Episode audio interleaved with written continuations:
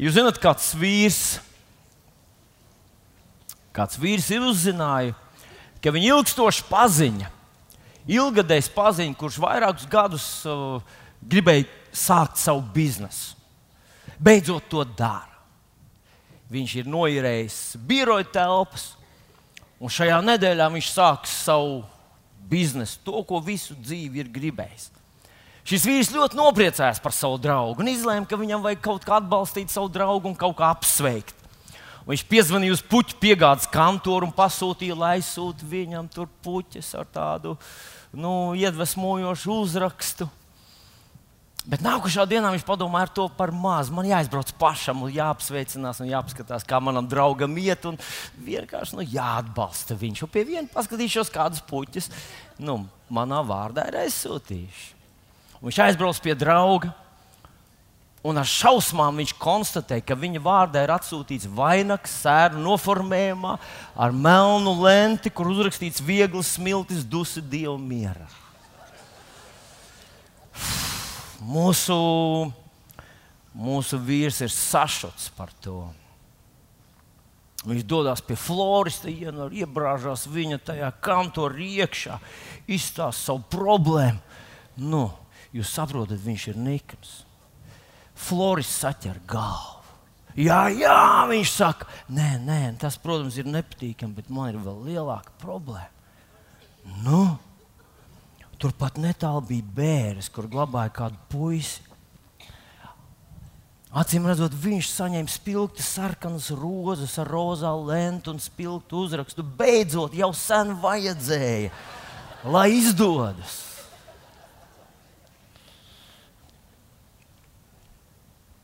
Jūs zināt, viens un otrs man saka, ka es pēdējās svētdienas runāju par bērēm un ka mums jāgatavojas bērēm.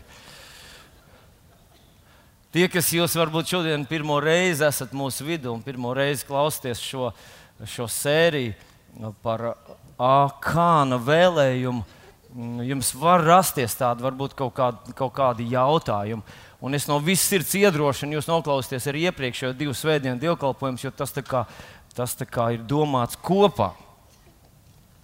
Bet tā mana galvenā vēlme un sāpe un tā vēsts ir izmantot to dzīves laiku, kur Dievs tev ir devis. Izmantot dzīvi. Pēc iespējas pagarināt to dzīvi, netaisies uz kapiem tik ātri.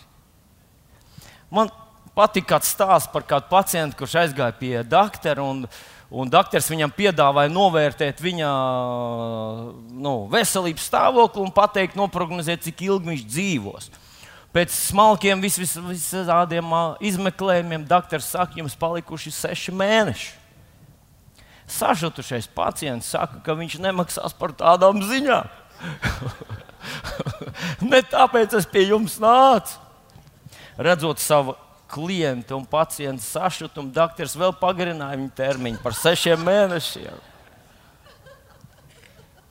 Nu, ko darīt ar tiem sešiem mēnešiem?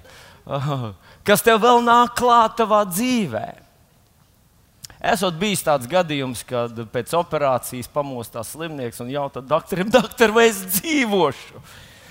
Uz ko doktors viņam atbild, dzīvosiet, bet jēga tā kāda. nu, ir jābūt kādai jēgai, kāpēc mēs ar tevi dzīvojam. Ir jābūt kaut kam, kādēļ. Tev vajag vēl kādu gadu, un vēl gadus, un vēl gadus. Jo tā sajūta, ka gana dzīvots, manuprāt, viņa nekad tā īsti neatnāk. Varbūt grūtības mūs salauž. Bet mēs, kristieši, mums nevajadzētu būt tādiem, ka grūtības mūs padara par nu, gataviem mirt. Mums būtu jābūt cilvēkiem, kas uzvar visas grūtības. Wow! Kas par pērkonīgu? Āmen! Ja mums būtu jābūt cilvēkiem, kuriem ir redzējums šai dzīvē, kuriem ir uzdevums, mēs gribam vēl kaut ko izdarīt šajā pasaulē. Un tāpēc arī Dievs mums ir devis šajā gadā šo trīs M vīziju - mīlestība, māceklība un misija. Šajā pasaulē mēs esam misijā. Mēs gribam aizsniegt cilvēkus, mēs negribam viņiem vienkārši iespērt vai, vai, vai pieskarties. Mēs gribam viņiem palīdzēt, pavilkt viņus pastumt, aicināt, iekārdināt, pavilkt viņus līdzi, jo mēs taču ar tevi ejam uz, mēs ejam uz brīnišķīgākajām mūsu dzīves dienām. Viņas ir priekšā. Un, ja tavs spogulis ir palicis vecs, izmet viņu ārā, jo viņa dzīves dienas uh, uh, ir aiz muguras labākās. Tavējās vēl ir tikai priekšā. Mm. Mateja evanģēlijā, 10. nodaļā, Jēzus sacīja tādus vārdus, 32. pantā: Ikvienu, kas man apliecinās, cilvēku priekšā, to arī es apliecināšu savu tēvu priekšā, kas ir debesīs. Ikvienu, kas man apliecinās cilvēku priekšā. Ikvienu, kas man apliecinās cilvēku priekšā, to arī es apliecināšu man tēva priekšā. Kādā citā vietā rakstīts, un eņģeļu priekšā, kas ir debesīs. Wow! Iedomājieties, Jēzus saka, tas ir mans no kalps, vai tas ir vilnis, kurš man kalpoja visu savu dzīvi. Iedomājieties, viņš nosauc tavu vārdu. Tur stāv eņģeļi, tur stāv visi 12 apaksti, visi vecie patriarhi, tur visi svētie. Un, un, un, un, vis, un viņš saka uz tevi, tas ir mans kalps. Tajā mirklī. Tas nav lepnums, tā ir pašapziņa. Ja viņš saka, tas ir mans kalps, viņš nevar nākt. Tu teiksi, jā, caur Jēzu. Es esmu tas, kas es esmu. Halleluja! Es esmu bijis daudzās bērēs, un jūs jau zinat visu to stāstu.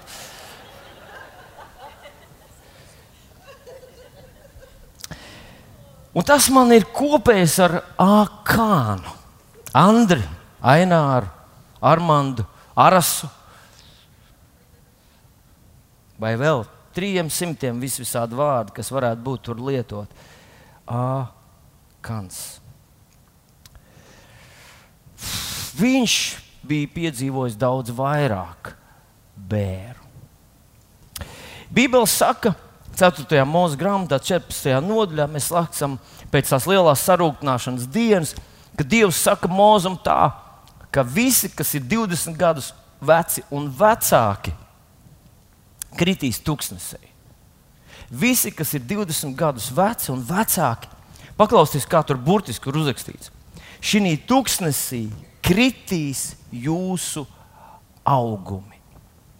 No visiem jūsu skaitītiem, tas ir tiem, kas ir 20 gadus veci un vecāki, kas pret mani kurnējuši. Ziniet, man gribas tādu nelielu, tādu, manuprāt, ļoti svarīgu uh, niansīti pavērt vaļā. Viņš saka, kritīs viņu augumi. Nēmijas grāmatā mēs lasām 9. nodaļā 21. pantā, tu uzturēji viņus tūkstnesī 40 gadus. Viņi necieta trūkumus, viņu drēbes nenoplīsa un viņu kājas nepietūka. Par mūzu mēs lasām, ka viņš nomira 120 gadu vecs, un viņa acis nebija palikušas tumšas, un viņa dzīves spēks nebija mazinājies. Tas bija tāds īpašs svētība par visu to tautu. Un tagad padomā, Dievs raksturo to tādā veidā, ka jūsu augumi kritīs tuksnesī. Visi tie ir 20 gadu un vecāki. Un viņš saka, ka viņi tuksnesī neslimoja. Viņi nebija badā, viņi nebija izsalkuši, viņu kājas nepietūka. Un es pie sevis uzreiz varētu sākt domāt, nu, kas ir tās slimības, no kurām kājas pietūks. Kaut kādas nieru problēmas, sirds problēmas, varbūt vēl kaut kas cits, kas varētu parādīties kā tāds kāju pietūkums. Bet, manuprāt, tur iet runa par to, ka viņi vispār neslimoja. Tie cilvēki tūkstnesī, Dievs viņus bija dziedinājis, uzturējis, viņu drēbes nenoplīs, un viņi neslimoja tur.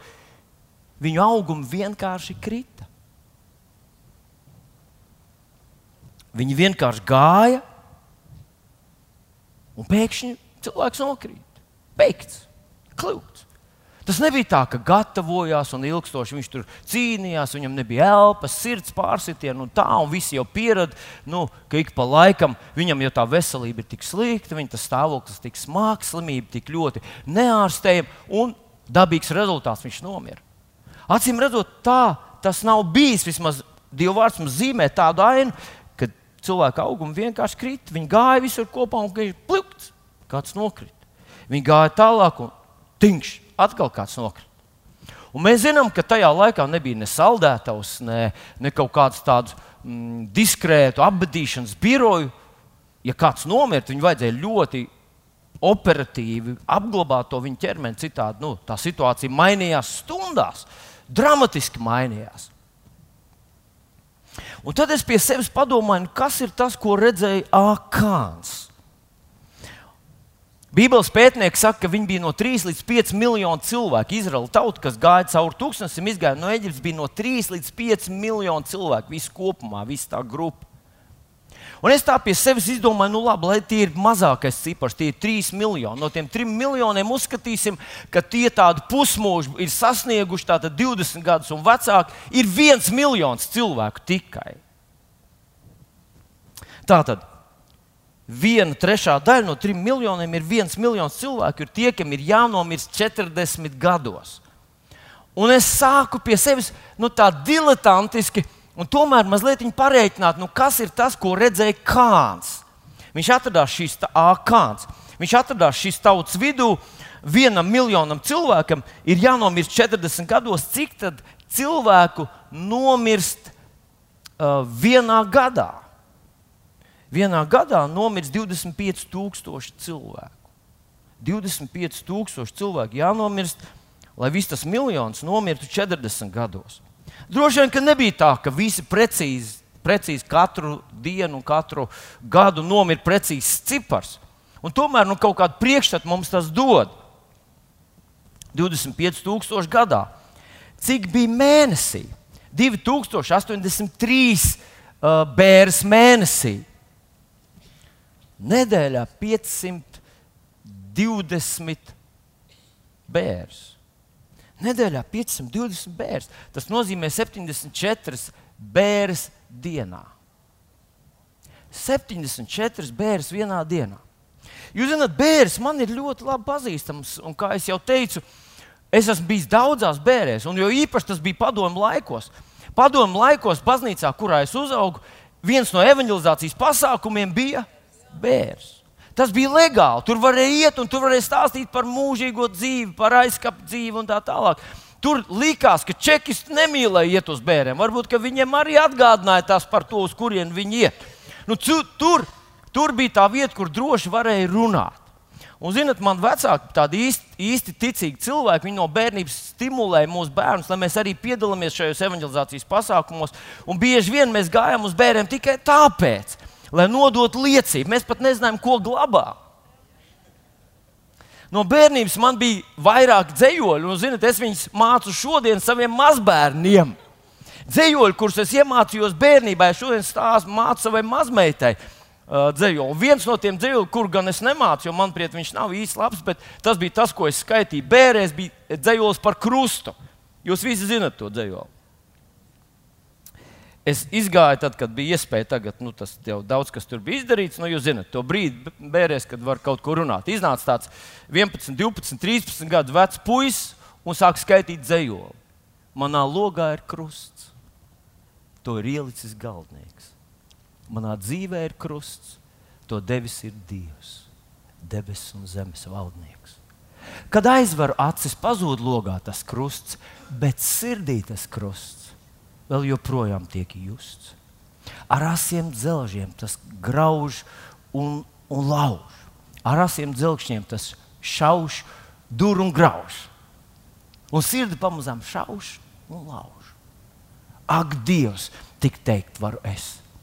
Tam jābūt stipram, kurš krustu grib nest. Un, kā jūs saprotat, teoloģiski viņi ir absolūti aplama dzēja. Jo ne jau Dievs ir tas, kurš mūsu dzīvē dod to, kas mūs grauž un šauš un lauž.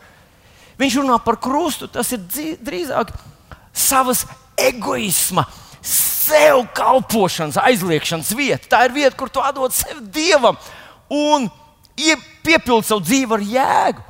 Jo, ja tavs dzīves jēga ir tikai tu pats un tavs vēders, nu, ar ko tu atšķiries no žurkas? Ar ko tu atšķiries no pēles, kāmja, nezinu, strāzda, kovārņa vai, vai visiem tiem, kas dzīvo tikai tāpēc, lai pēstu un izpērētu savus solus un viss? Nu, bet Viņš derēja tur, jo šis atgādināja, ka visi mēs esam mirkstīgi, mirkstīgi un tā. Bet paklausieties, bija tāds nedēļas, kad es biju četrās bērēs. Četrās bērēs. Ziniet, ka tu esi bijis četrās bērēs, tu atnāc šeit noskaidrot, tā ir priekš tiem, kas te manā logā ir krusts. To ir ielicis galdnieks. Manā dzīvē ir krusts, bet tā doma ir arī tavā dzīvē ir krusts, un to devis ir Dievs. Tu mirsi! tā doma. Tad tu skaiti to kādās citās bērēs. Manā logā ir krusts, to ir ielicis galdnieks. Un tad tu skaiti tur vēl, un skaiti vēl kaut kur.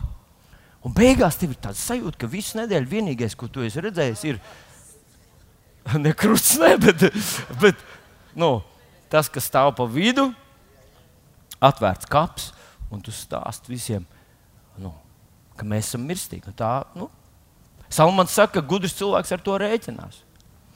Bet paklausies, četras bērnas, un tev jau liekas, ka viss, ko tu redzi, ir tikai bērns. Kā tas ir, ja 74 vienā dienā? Nē, nu viņš jau nepiedalījās visās. Protams, ka viņš nepiedalījās visās.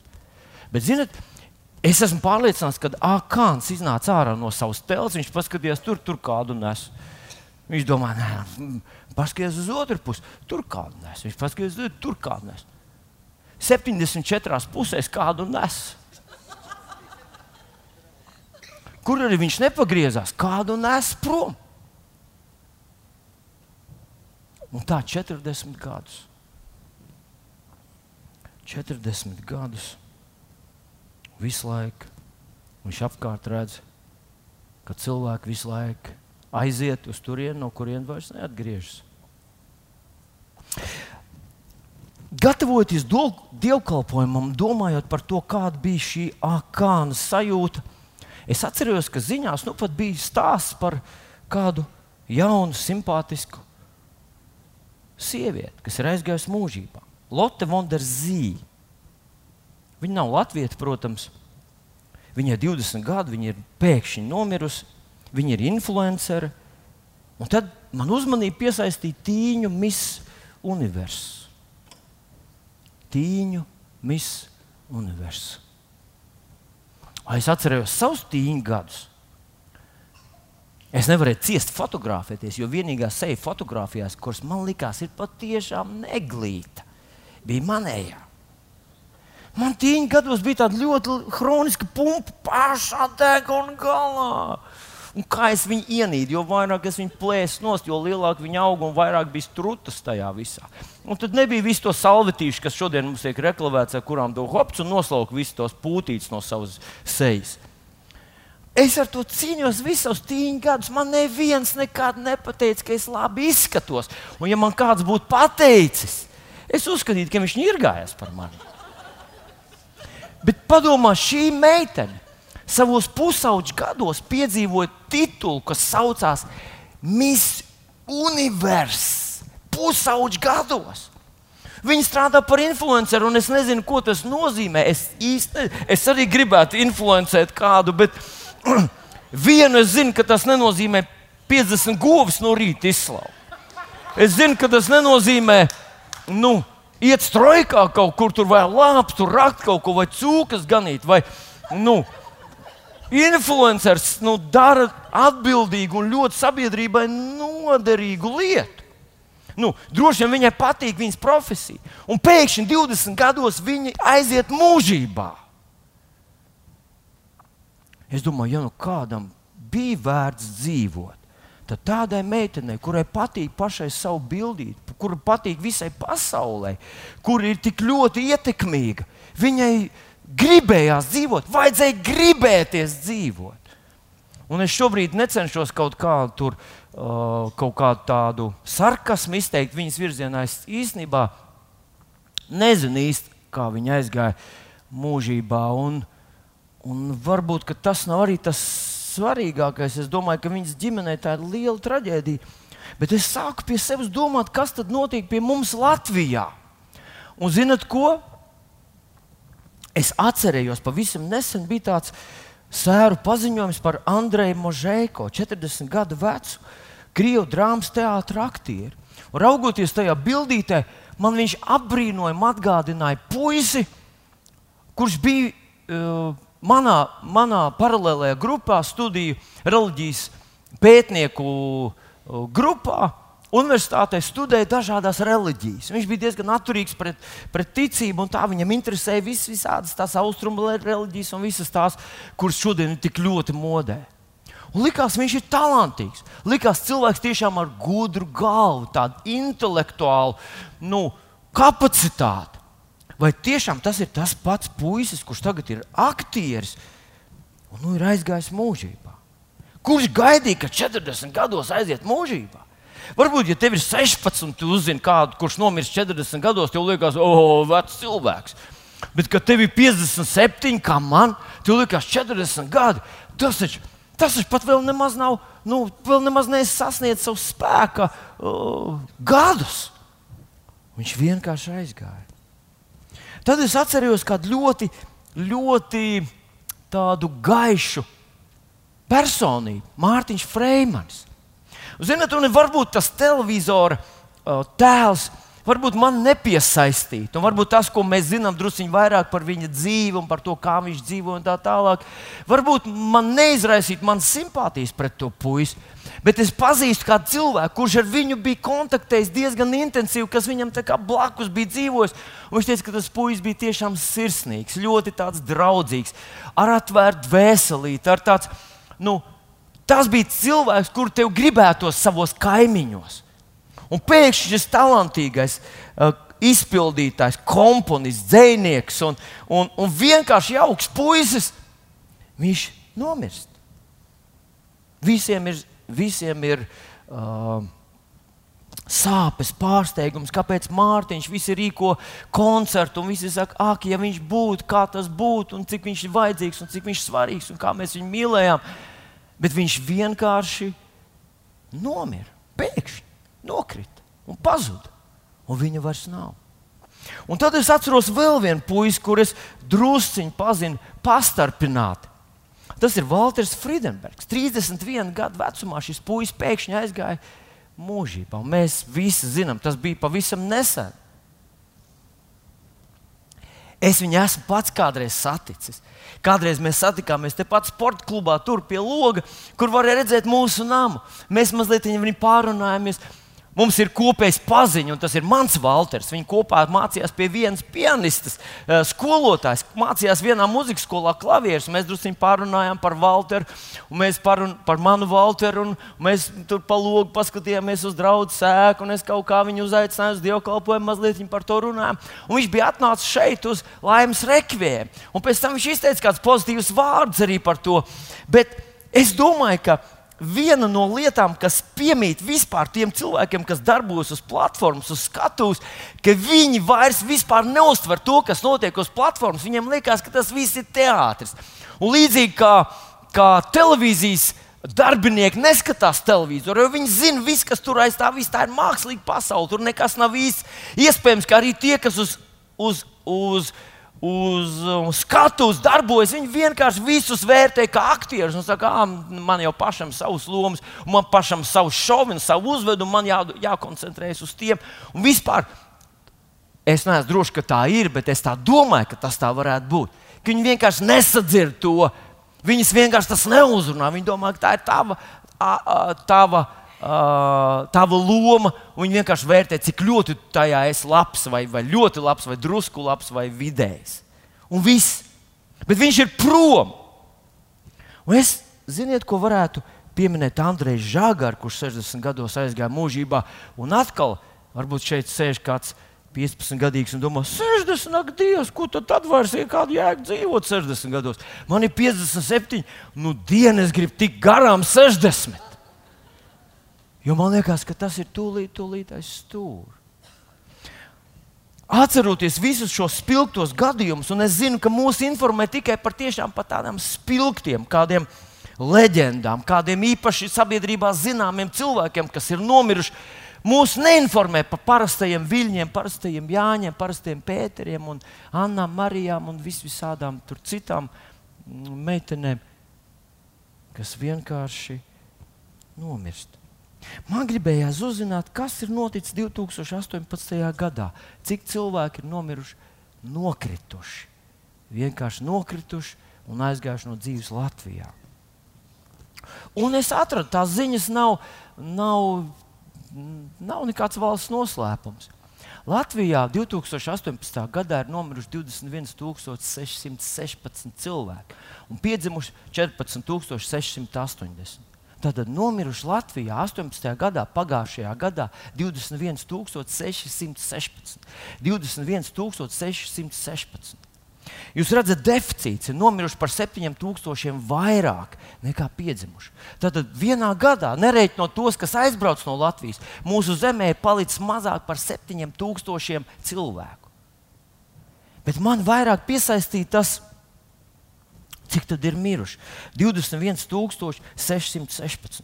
Un tad domājot par Akāna situāciju un to, ko viņš redzēja, es pie sevis domāju, kā tas būtu, ja mūsu salīdzinātu, mēs atrastos tūkstnesī un par mums būtu izteikti tas pats vārds, vai at, attiecinot mūs pret tiem kritērijiem, kur mēs esam.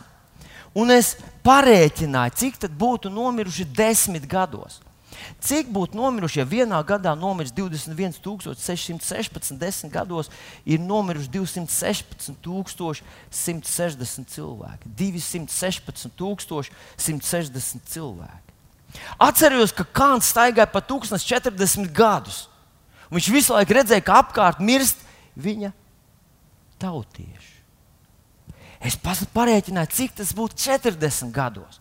Ja mēs staigātu pa 1040 gados, Un mums nebūtu visas tās diskrētās apbendīšanas vietas, viss tur, kas notiek kaut kur, tur kaut kur. Es atceros, reizē man bija tāda sarunāta tikšanās ar kādu cilvēku tur, otrajos meža kapos pie vārtiem. Un tur es biju mazliet pasajauts, atbraucu druskuļi ātrāk, un tas laiks, kad es pastāvēju tur pie tiem vārtiem, bija pusstunda. Un tajā pusstundā es vēroju, kas notiek aiznes viena procesija, pēc 15 minūtēm nākošā procesija, atkal procesija, atkal procesija, atkal procesija. Es domāju, vai tiešām tā trauma, kas šeit no šejienes iet prom uz turieni, no kurienes vairs neatgriežas, ir tik ļoti intensīva. Tad 40 gados Latvijā nomirs ja tā tendence paliks tāda, kāda ir šobrīd. Bet, ja jūs paskatīsieties statistiku, jūs konstatēsiet, ka ar katru gadu mirstība pieaug. Kāpēc pieaug? Mums ir labāks zāles, vairāk kompensē. Mēs uh, zinām, ka jāēd mazāk šis un vairāk tas un tā tālāk. Mēs esam kustīgāki un gudrāki un, un eiropeiskāki. Mirstība pieaug. Gluži viena vienkārša un banāla iemesla dēļ mēs novecojam. Jo atcerieties, katru gadu mums paliek mazāk par 7000. Desmit gados mēs, mums paliek tā proporcija par tiem, kas nomiruši un piedzimuši, jau iztrūkums ir 70,000. 40 gados vienkārši viņi liekas katastrofāli. Un tad es padomāju, Izraels ir, ir 3 miljoni viens miljons nomirst. Mēs pat neesam divi miljoni. Un gandrīz viens miljons, gandrīz viens miljons nomirst katrus 40 gadus.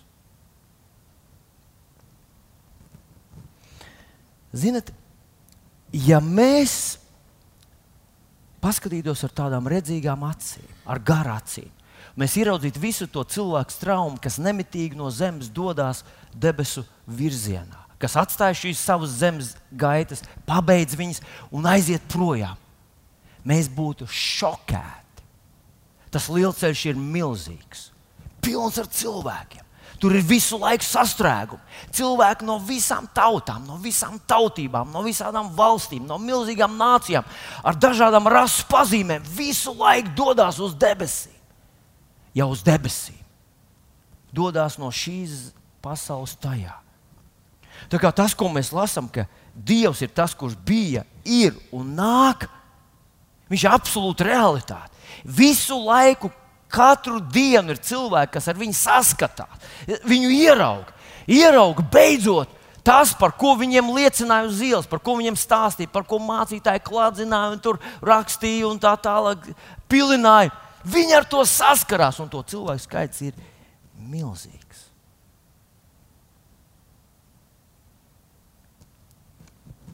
Raugoties no Akāna perspektīvas, viņam tas bija vēl uzskatāmāk. Manuprāt, viņa dvēselītē radās viens liels un nopietns jautājums. Vai visi tie mani tautieši, kas aiziet uz turieni, no kurienes vairs nenāk atpakaļ, vai viņi ir gatavi turp doties? Un atcerieties, visos virzienos, kur viņš neskatījās, 740 virzienos, visur kādu nesa, lai viņu apglabātu. Īstenībā Mēs varētu izsakot Izraēla tautas ceļu tūkstnesī pēc mirstīgajām atliekām, kas acīm redzot ir pilns tūkstnesis ar cilvēkiem, kas vienkārši izbeidz savus dzīves gaitas tur. Latvijā notiek tas pats. Vai tie cilvēki ir gatavi? Vai tie cilvēki tiešām ir gatavi? Un tad es iedomājos par to, kādas problēmas mums liek risināt. Un tās problēmas ir, kas notiks ar Āfrikas bēgļiem, kas ir Sīrijas problēmas. Um, Izzūdošie naftas resursi, ledāja kušana un tā tālāk. Nu, es piekrītu, ka tās ir problēmas, bet pēc būtības paklausties, ja notiks viss tā, kā tas notiek, un demogrāfi saka, ka tas jau ir neizbēgami, ka tas ir neatgriezeniski, vienas vienīgas paudzes laikā Latvijā būs uz pusi mazāk iedzīvotāju. Un mūsu militārie spēki, kuriem mēs dodam, mūsu armija, kuriem mēs dodam 2% mūsu iekšzemes koprodukta, viņiem nebūs īsti ko sargāt. Jo Latvija jau ir tukša un pēc 40 gadiem būs puse no mājām, puse no dzīvokļiem. Būs tukši. Bet tā lielā problēma, kurai vajadzētu mūs šokēt, un mums vajadzētu sist tos lielos trauksmes zvanus, vai tie mūsu tautieši, visi tie 26,000, kas aiziet katru mēnesi, vai viņi ir gatavi? Un man pārliecība, ka viņi gatavi nav ka lielākā daļa no viņiem aiziet tur, kur viņi negribētu aiziet.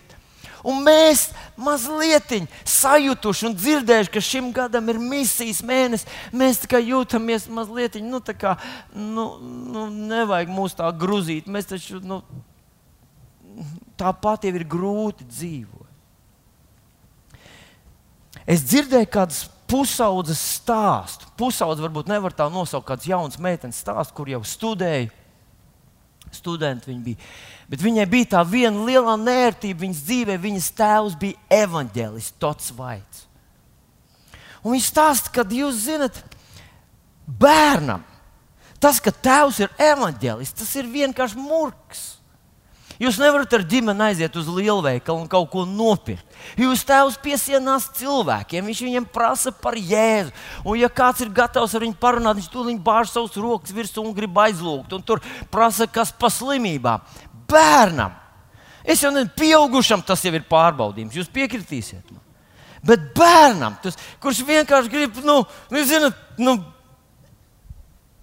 Viņi grib izskatīties cool. Īpaši, ja tu esi pusaudzis un tu esi jaunies, un tavs tēvs tur sāk savus runas. Tur vienkārši. Nu, Un bieži vien viņi saka, mēs ar mammu gājām viens pašas uz veikalu. Mēs teicām, nenāc, lūdzu, nenāc līdzi. Mēs gribam tās apkaunojošās sarunas pie kases, tā apkaunojošās sarunas ar pārdevēju, vai jūs zinat, ka Dievs jūs mīl, kas jums sāp, vai jūs gribat, lai es par jums aizlūdzu. Mēs gribam vienkārši nopirkt kaut kādu modernu jaciņu, mēs gribam kaut ko jaunu, nu, tādu. Nu, normāli cilvēku būt. Piebiks tam, kurš sēž. Mēs gribam normāli cilvēku vienkārši. Un tad viņi stāsta, ka viņa studējot, paralēlā grupā ir kāda ļoti simpātiska, smaidīga meitene. Un ik pa laikam, kad kādās nodarbības ir kopā, viņi saka, mēs ar viņu satusējam, un viņa tāda uh, smaidīga, asprātīga, gudra. Mēs klausāmies to, un mums tur, nu, tā kā skatoties uz viņu, viņa saka, es domāju, es gribētu būt tāda kā viņa. Es gribētu būt tāda moderna, ar gaumi, skaista. Nu, viņai liekas, viss ir ok. Bet es esmu ticīga, esmu pieņēmis jēzu par savu kungu un nekad pasakot, Dievs, aicināt tēvu uz skolu vai uz kaut kur tur. Nu, tas taču būtu kauna traips visā biogrāfijā, ja viņš vienreiz atnāktu uz skolu. Un tad viņa teica, nākošajā uh, vienā no nodarbībām es skatos tām meitenēm, kur jautāja, kur ir tā meitene. Viņa saka, viņas vairs nav. Kas tad notika ar viņu? Viņa izdarīja pašnāvību. Viņa teica, es domāju, es gribu būt tāda kā viņa. Es gribu būt tik laimīga, tik skaista, es gribu būt tik veiksmīga, es gribu būt tik moderna. Es savā dzīvē ceru, ka Dievs man palīdzēs būt tādai kā viņa. Viņa man blakus bija vientuļa, dziļi nelaimīga un nesaprasta. Un es būtu varējusi, es vismaz būtu mēģinājusi Man vismaz būtu sajūta, ka tajā pēdējā mirklī, pirms viņi to izdarīja, viņi varbūt teica, Dievs, es nevaru vairs dzīvot, man nav spēka, es nezinu, kāpēc. Es nesaprotu, kas ar mani notiek. Manā sirdī ir caurums. Es nevaru tā. Un viņi varbūt būtu piesaukuši Dievu, varbūt būtu mūžībā. Un tad viņi teica, tēti, es gribu iet ar tevi. Es gribu stāstīt cilvēkiem. Es negribu vēlreiz savā dzīvē piedzīvot, ka kāds kuram es varēju palīdzēt. Bet es vienkārši kaut kādu muļķīgu kompleksu dēļ to nedaru. Šis gads ir gads, kad tu vari kādam palīdzēt. Kad tas tā burtiski tā tāds no debesīm tāds grūdienis, tā kā tāds pirksts tavās krūtīs. Saka, tu vari, tu vari. Jā, būs cilvēki, kur atraidīs tevi bet tu saproti, ka Dievs tik ļoti mīl tos cilvēkus, ka Viņš dod viņiem tiesības arī pateikt nē. Tā ir tā lielā Dieva mīlestība, kur Viņš ir piešķīris pilnīgi katram cilvēkam. Viņam ir tiesības pateikt nē. Bet ļoti bieži cilvēks pasakā piecas reizes nē, bet viņā sirdī iekšā sākās tas, un viņa sirds kliedz, tas ir vesels cīņas process, tāds vesels aizberga apvērsuma process. Līdz vienā dienā viņš saka, es to gribu. Es iepriekšējā nedēļā runāju ar vienu no mūsu jauniem puišiem. Tu paskatītos uz viņu stilīgs, izskatīgs, gara auguma puisis, vienmēr es gribēju būt tāds. Un tad viņš stāstīja, ka viņš dzīvojas parastu pasaulīgu dzīvi. Viņa fāters ir tas, kurš lieto mātes vārdus un pumpē aliņu pie televizora. Bet viņa sirdī bija ilgas pēc dieva. Un tad beidzot viņš ir kāds mani uzrunāja. Kāds no jauniešiem mani uzrunāja. Un zināt, ko viņš teica? Un es zināju, ka tas ir tas, ko Dievs jau bija runājis manā sirdī. Tu zini, un ja tur būtu kāds, kurš ah, neies jau bojāt priekšstatu par sevi. Un tas puisis ir šeit. Viņš ir atradzis savu meiteni, viņš dibinās ģimeni, viņa priekšā ir Dieva svētīta nākotne. Un tas ir tāpēc, ka kāds vienkārši nepakautrējās viņam pateikt, ka Dievs tevi mīl, ka ir risinājums, ir jēga šai dzīvei, lai viņš būtu gatavs. Un es domāju, ja kādam, kādam bija tā sajūta, ka cilvēki mirst kā mušas, vai viņi ir gatavi? Tieši tas pats notiek Latvijā šodien. Vienkārši no mums to slēpj.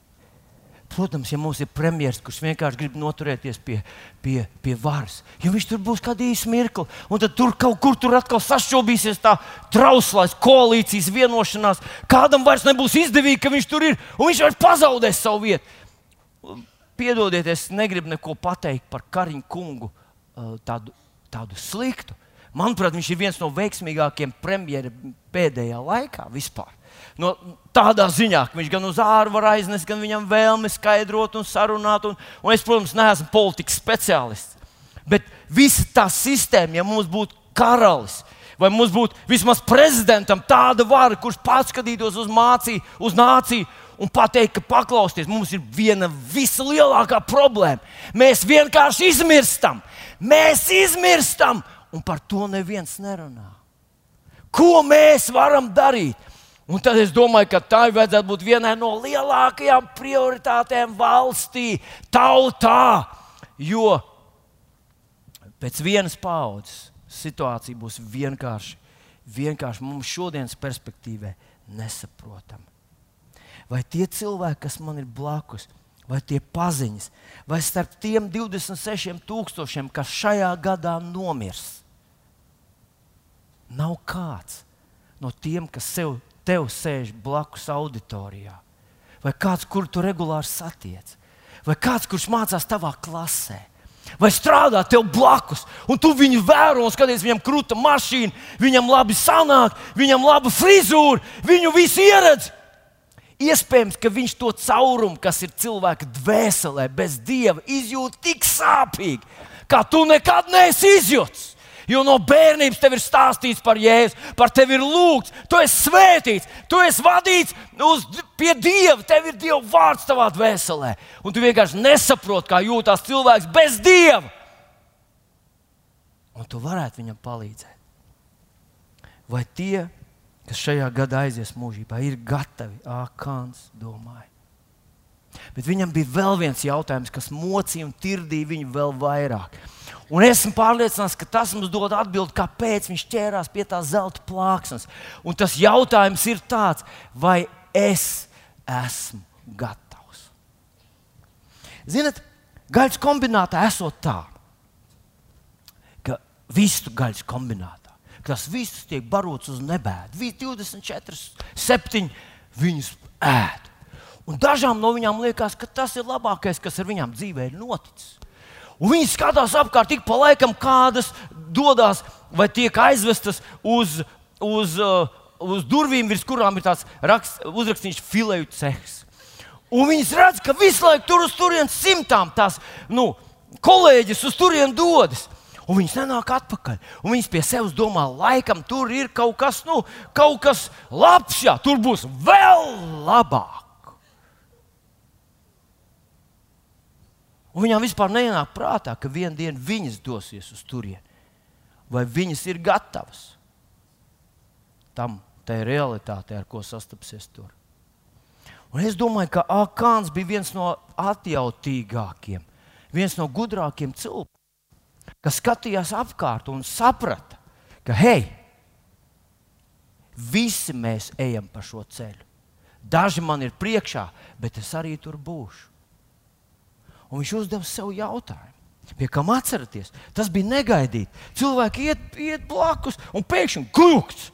Viņš nokrīt. Un viņa ātri, ātri vajag nokārtot visu viņa bērnu formalitātes. Jo situācija ir tāda. Tieši tas pats notiek šodien.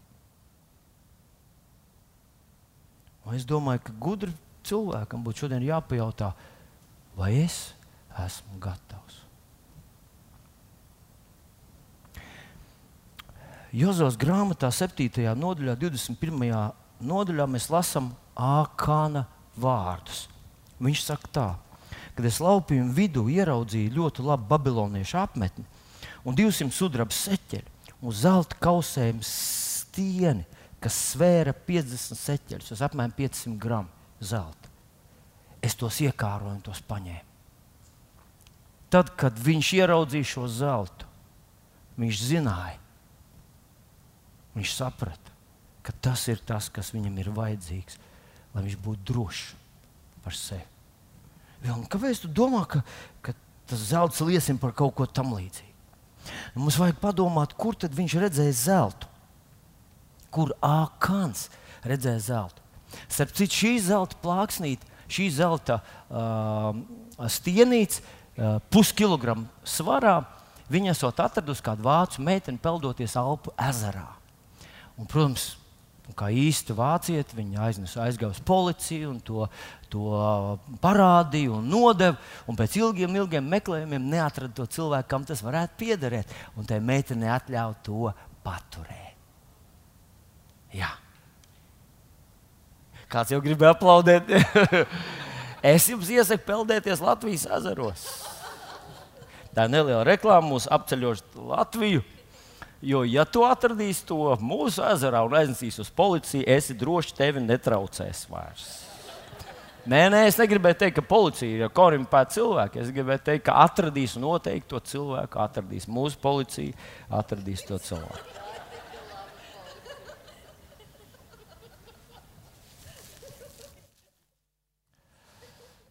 Pašam savi 500 gramu Kur tad Ākāns bija redzējis zeltu? Es lasu 2. mūža grāmatu, 25. nodaļu, es lasu šeit no 10. panta.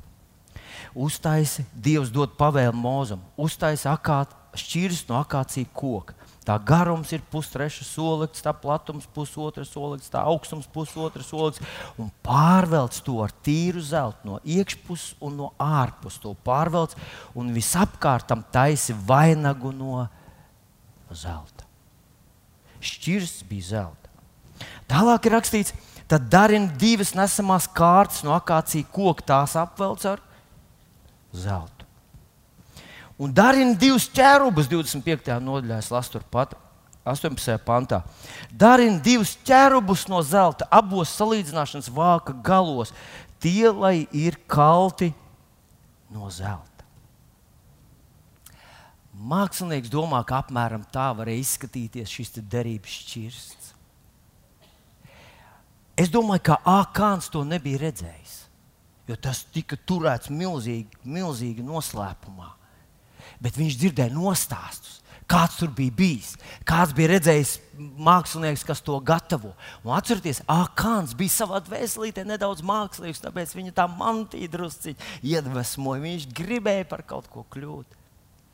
Un viņa izpratnē zelts bija tā vieta, kur mājo Dievs un kur attiecības ar Dievu tiek kārtotas.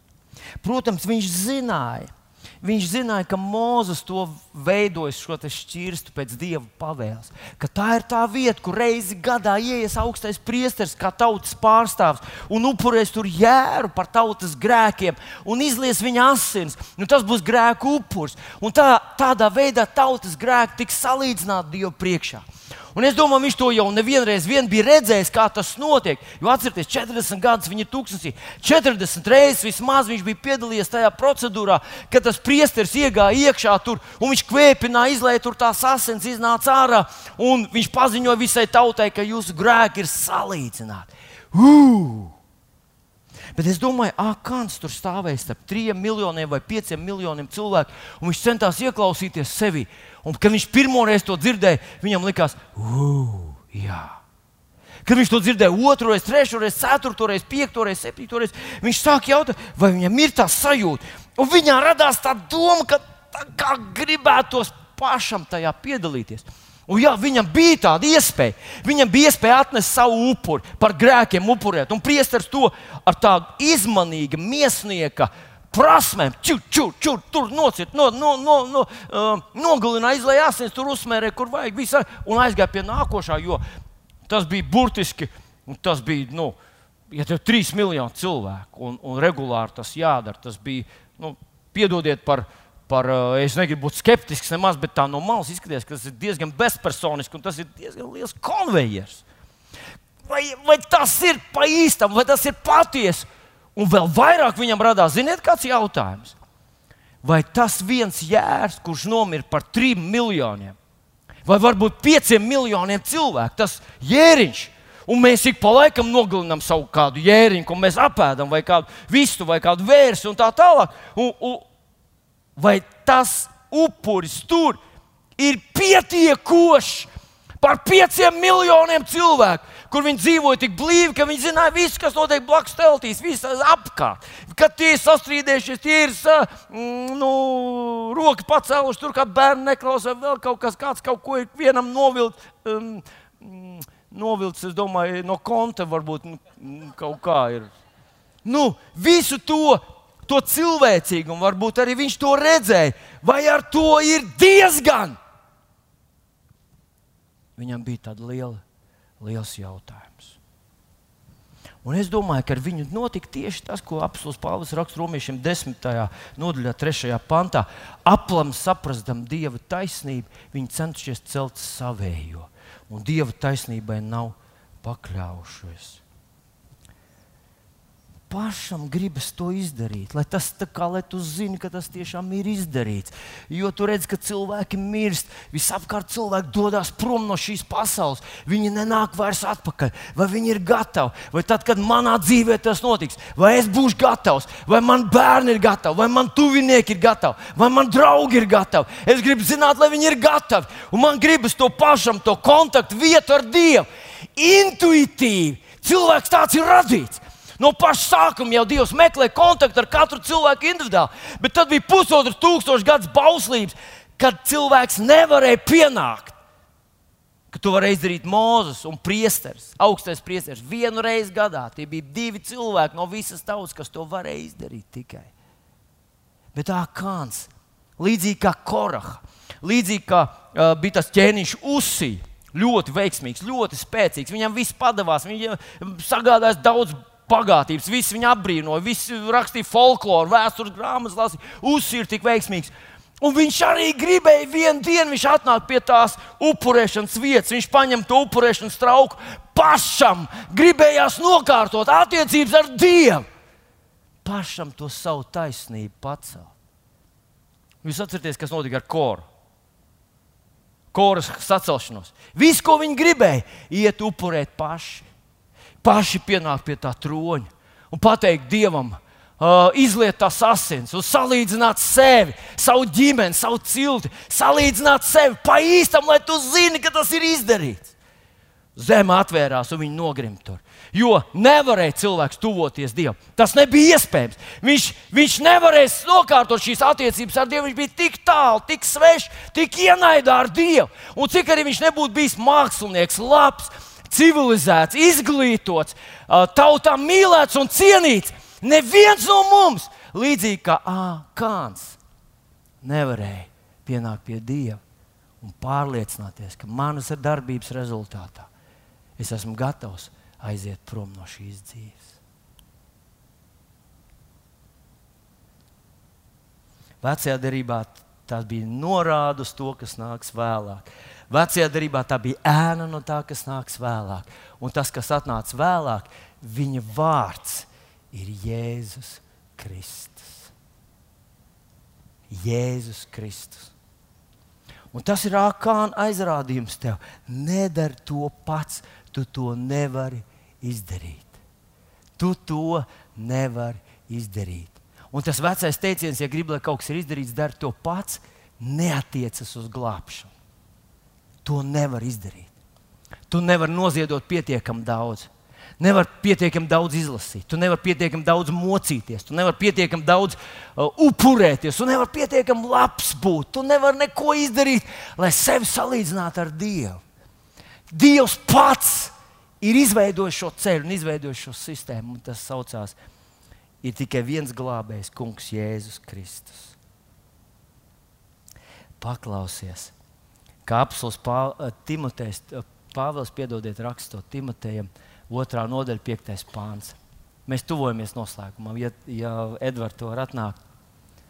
Un tas, ko viņš raksta, ir, ir viens Dievs, ka ir viens starpnieks starp Dievu un cilvēkiem. Cilvēks Kristus Jēzus. Ir viens, kā ir viens Dievs, ir viens starpnieks starp Dievu un cilvēkiem. Cilvēks Kristus Jēzus. Esmu pārliecināts, ka šodien Akāns, ja mums viņam būtu iespēja iznākt šeit priekšā un pateikt, viņš teiktu tikai vienu teikumu. Uz, uh, viņš noteikti runātu angliski. Viņš teiktu, trust Jesus! Jā, bet es nejūtos labi. Trust Jesus! Hallelujah! Redziet, kāda perfekta angļu valoda. Uzticies Jēzum. Jā, bet es nejūtos tik labi. Uzticies Jēzum. Ir viens Dievs un viens starpnieks starp Dievu un cilvēku, kurš pats sevi ir nodevis par atpirkumu maksu, par liecību savā laikā. Jēzus! Jēzus. Jā, bet vai man nekas nav jādara? Jā, es, es arī gribu savu roku pielikt. Oh. Es, es jūs aicināšu piecelties. Es zinu, es zinu ka uh, esmu ļoti ilgi norunājis, bet šī ir pēdējā noslēguma reize. Nu, ko lai dara? Par akānu, jā, nākamais runāsim par uh, ekānu. ekānu. Paklausieties, otrā Timoteja, otrā nodaļa, 11. pāns skan tā: Ja mēs esam līdzi miruši, līdzi dzīvosim. Šajās glābšanas lietās šajās glābšanas lietās, tu esi miris. Tu tur neko nevari izdarīt. Tu nevari būt labs, skaists nevar būt, uh, viens cilvēks man stā, stāstīja, kad es redzu gliemezīti uz ielas, es viņu pieceļu un pārnesu, es būšu glābts. Gliemes nevienu nevar izglābt. Tu tikko pats izglābi gliemes, bet tu apēdi visu, cik es zinu. Viss atriepsies tev, ja tas no tā ir atkarīgs. Cik zivs tu neesi apēdis, cik tu neesi apēdis baktērijas, kad viņas visas reizē pļaus uz tevi. Ja tu esi līdzi miris, tu līdzi dzīvos. Ja tu saproti, ka tava glābšana, tava taisnība ir tikai un vienīgi Jēzus Kristus. Apsūdzdarba 4.12. saka, nav pestīšanas nevienā citā. Jo nav neviens cits vārds cilvēkiem zem debesu dots, kurā mums lemta pestīšana. Draugs! Šodien es tev saku, kā no vēlējuma, trust Jesus! Uzticies Jēzum! Pasak to saviem draugiem, pasak to saviem darba biedriem. Un jā, jā, jā pievest cilvēku kristum, tā ir problēma. Tas nav ar to viss nebeidzās, ar to viss sākās. Tas tā kā piedzemdēt bērnu ģimenē. Jūs zināt, viņam ir iesnas, un viņš to tā taisa traģēdiju. Viņš visu nakti raud un kliedz, par ko tu man dzemdē, man ir iesnas, es nevaru dzīvot. Tu ar sāpošu galvu pēc naktas maiņas, ar uh, nezinu, caurē, tu kop to bērnu un tu viņu visu nakti staigā, jo, jo tu esi izaudzis. Bet viņš to vēl nezina. Un, ja jaunam kristietim viņam mūžīgi ir problēmas, viņš sāk šaubīties, vai tā ir vai nav. Viņš nejūt, un viņš kaut ko ir lasījis un kaut ko dzirdējis.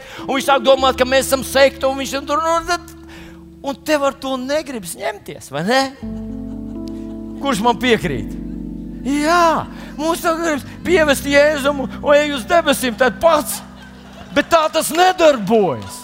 Tā tas nedarbojas. Un mums nākas uzņemties šīs zīdaiņu rūpes par cilvēku, kurš tikko pieņems jēzu. Bet, ja viņš uzticās Jēzum, un ja tu viņam māci uzticēties Jēzum, viņš iet uz turieni. Un tu nevari zināt, vai tas nebūs jau nākamais šajā gadā. Viņš iet uz turieni gatavs. Gatavs. Un, ja Jēzus ir tavs kungs, tu esi gatavs. Iebiksam, kurš tev blakus pasakies, es esmu gatavs vispār. Halleluja! Romiešiem 3,24. Bet Dievs savā žēlastībā tos taisno bez nopelna. Kā es saņēmu taisnību bez nopelna? Kā Dievs tevi izglāba bez nopelna? Kāpēc tu esi Dieva bērns bez tava nopelna? Ar milzīgu Jēzus nopelnu. Ja šobrīd tu aizej uz debesīm, ja šobrīd tu nokrīt, ķieģelis uzkrīt tev uz galvas, nezini, kaut kas notiek, un tu aizej uz debesīm, Paklaus, nē, nē, nē, nē. tu nomirsti. Tu aizies uz debesīm. Jā, Vilni, man ir cigaretes vēl kabatā. Nu, tu smirdīt, kā tu iet uz zeli, bet ies uz debesīm. Kāpēc? Ja tu uzticies Jēzum, tu ej uz debesīm. Jā, bet vēl es nemaksāju visus nodokļus. Jā, tas nav labi. Bet, ja tu uzticies Jēzum, Kristum, kā savam kungam un glābējam, tu ej uz debesīm. Ja tu vēl paliksi šeit, Viņš tev palīdzēs izmainīt tavu dzīvi. Viņš gribēs, lai tava valoda izmainās, tava domāšana izmainās, tava rīcība izmainās, lai tavai dzīvei ir jēga beidzot, lai tev ir par ko dzīvot. Kad tu jautās doktoram, doktor, vai es dzīvošu, un viņš tev teiks, jā, vēl tik daudz cilvēkiem tu pastāstīsi par mūžību. Halleluja! Mīļais draugs! Es nododu tev ākānu veltījumu. Pēdējais dievkalpojums ir par to. Un viņš teica, esi, tu esi gatavs. Jā, tu esi gatavs. Pacel savus rokas uz debesīm. Debes Tēvs, mēs pateicamies Tev no visas sirds. Paldies, Tev, Kungs, par Tavu žēlastību. Paldies, Tev, par šo svētdienas dievkalpojumu. Paldies, Tev, Kungs, ka mēs esam tie, kas varam runāt ar cilvēkiem par lielāko problēmu, kāda vispār eksistē visumā. Par to, ka cilvēki pavisam drīz sastapsies ar debesu realitāti, ar Dievu. Un mēs varam viņus tam sagatavot. Pasaki līdzi ar mani, debes Tēvs. Šam, šim gadam tu devi mums vārdu. Mīlestība, māceklība un misija. Es to esmu pieņēmis priekš sevis. Es esmu misijā, esmu māceklis un no visas sirds mīlu tevi un mīlu cilvēku. Jēzus vārdu.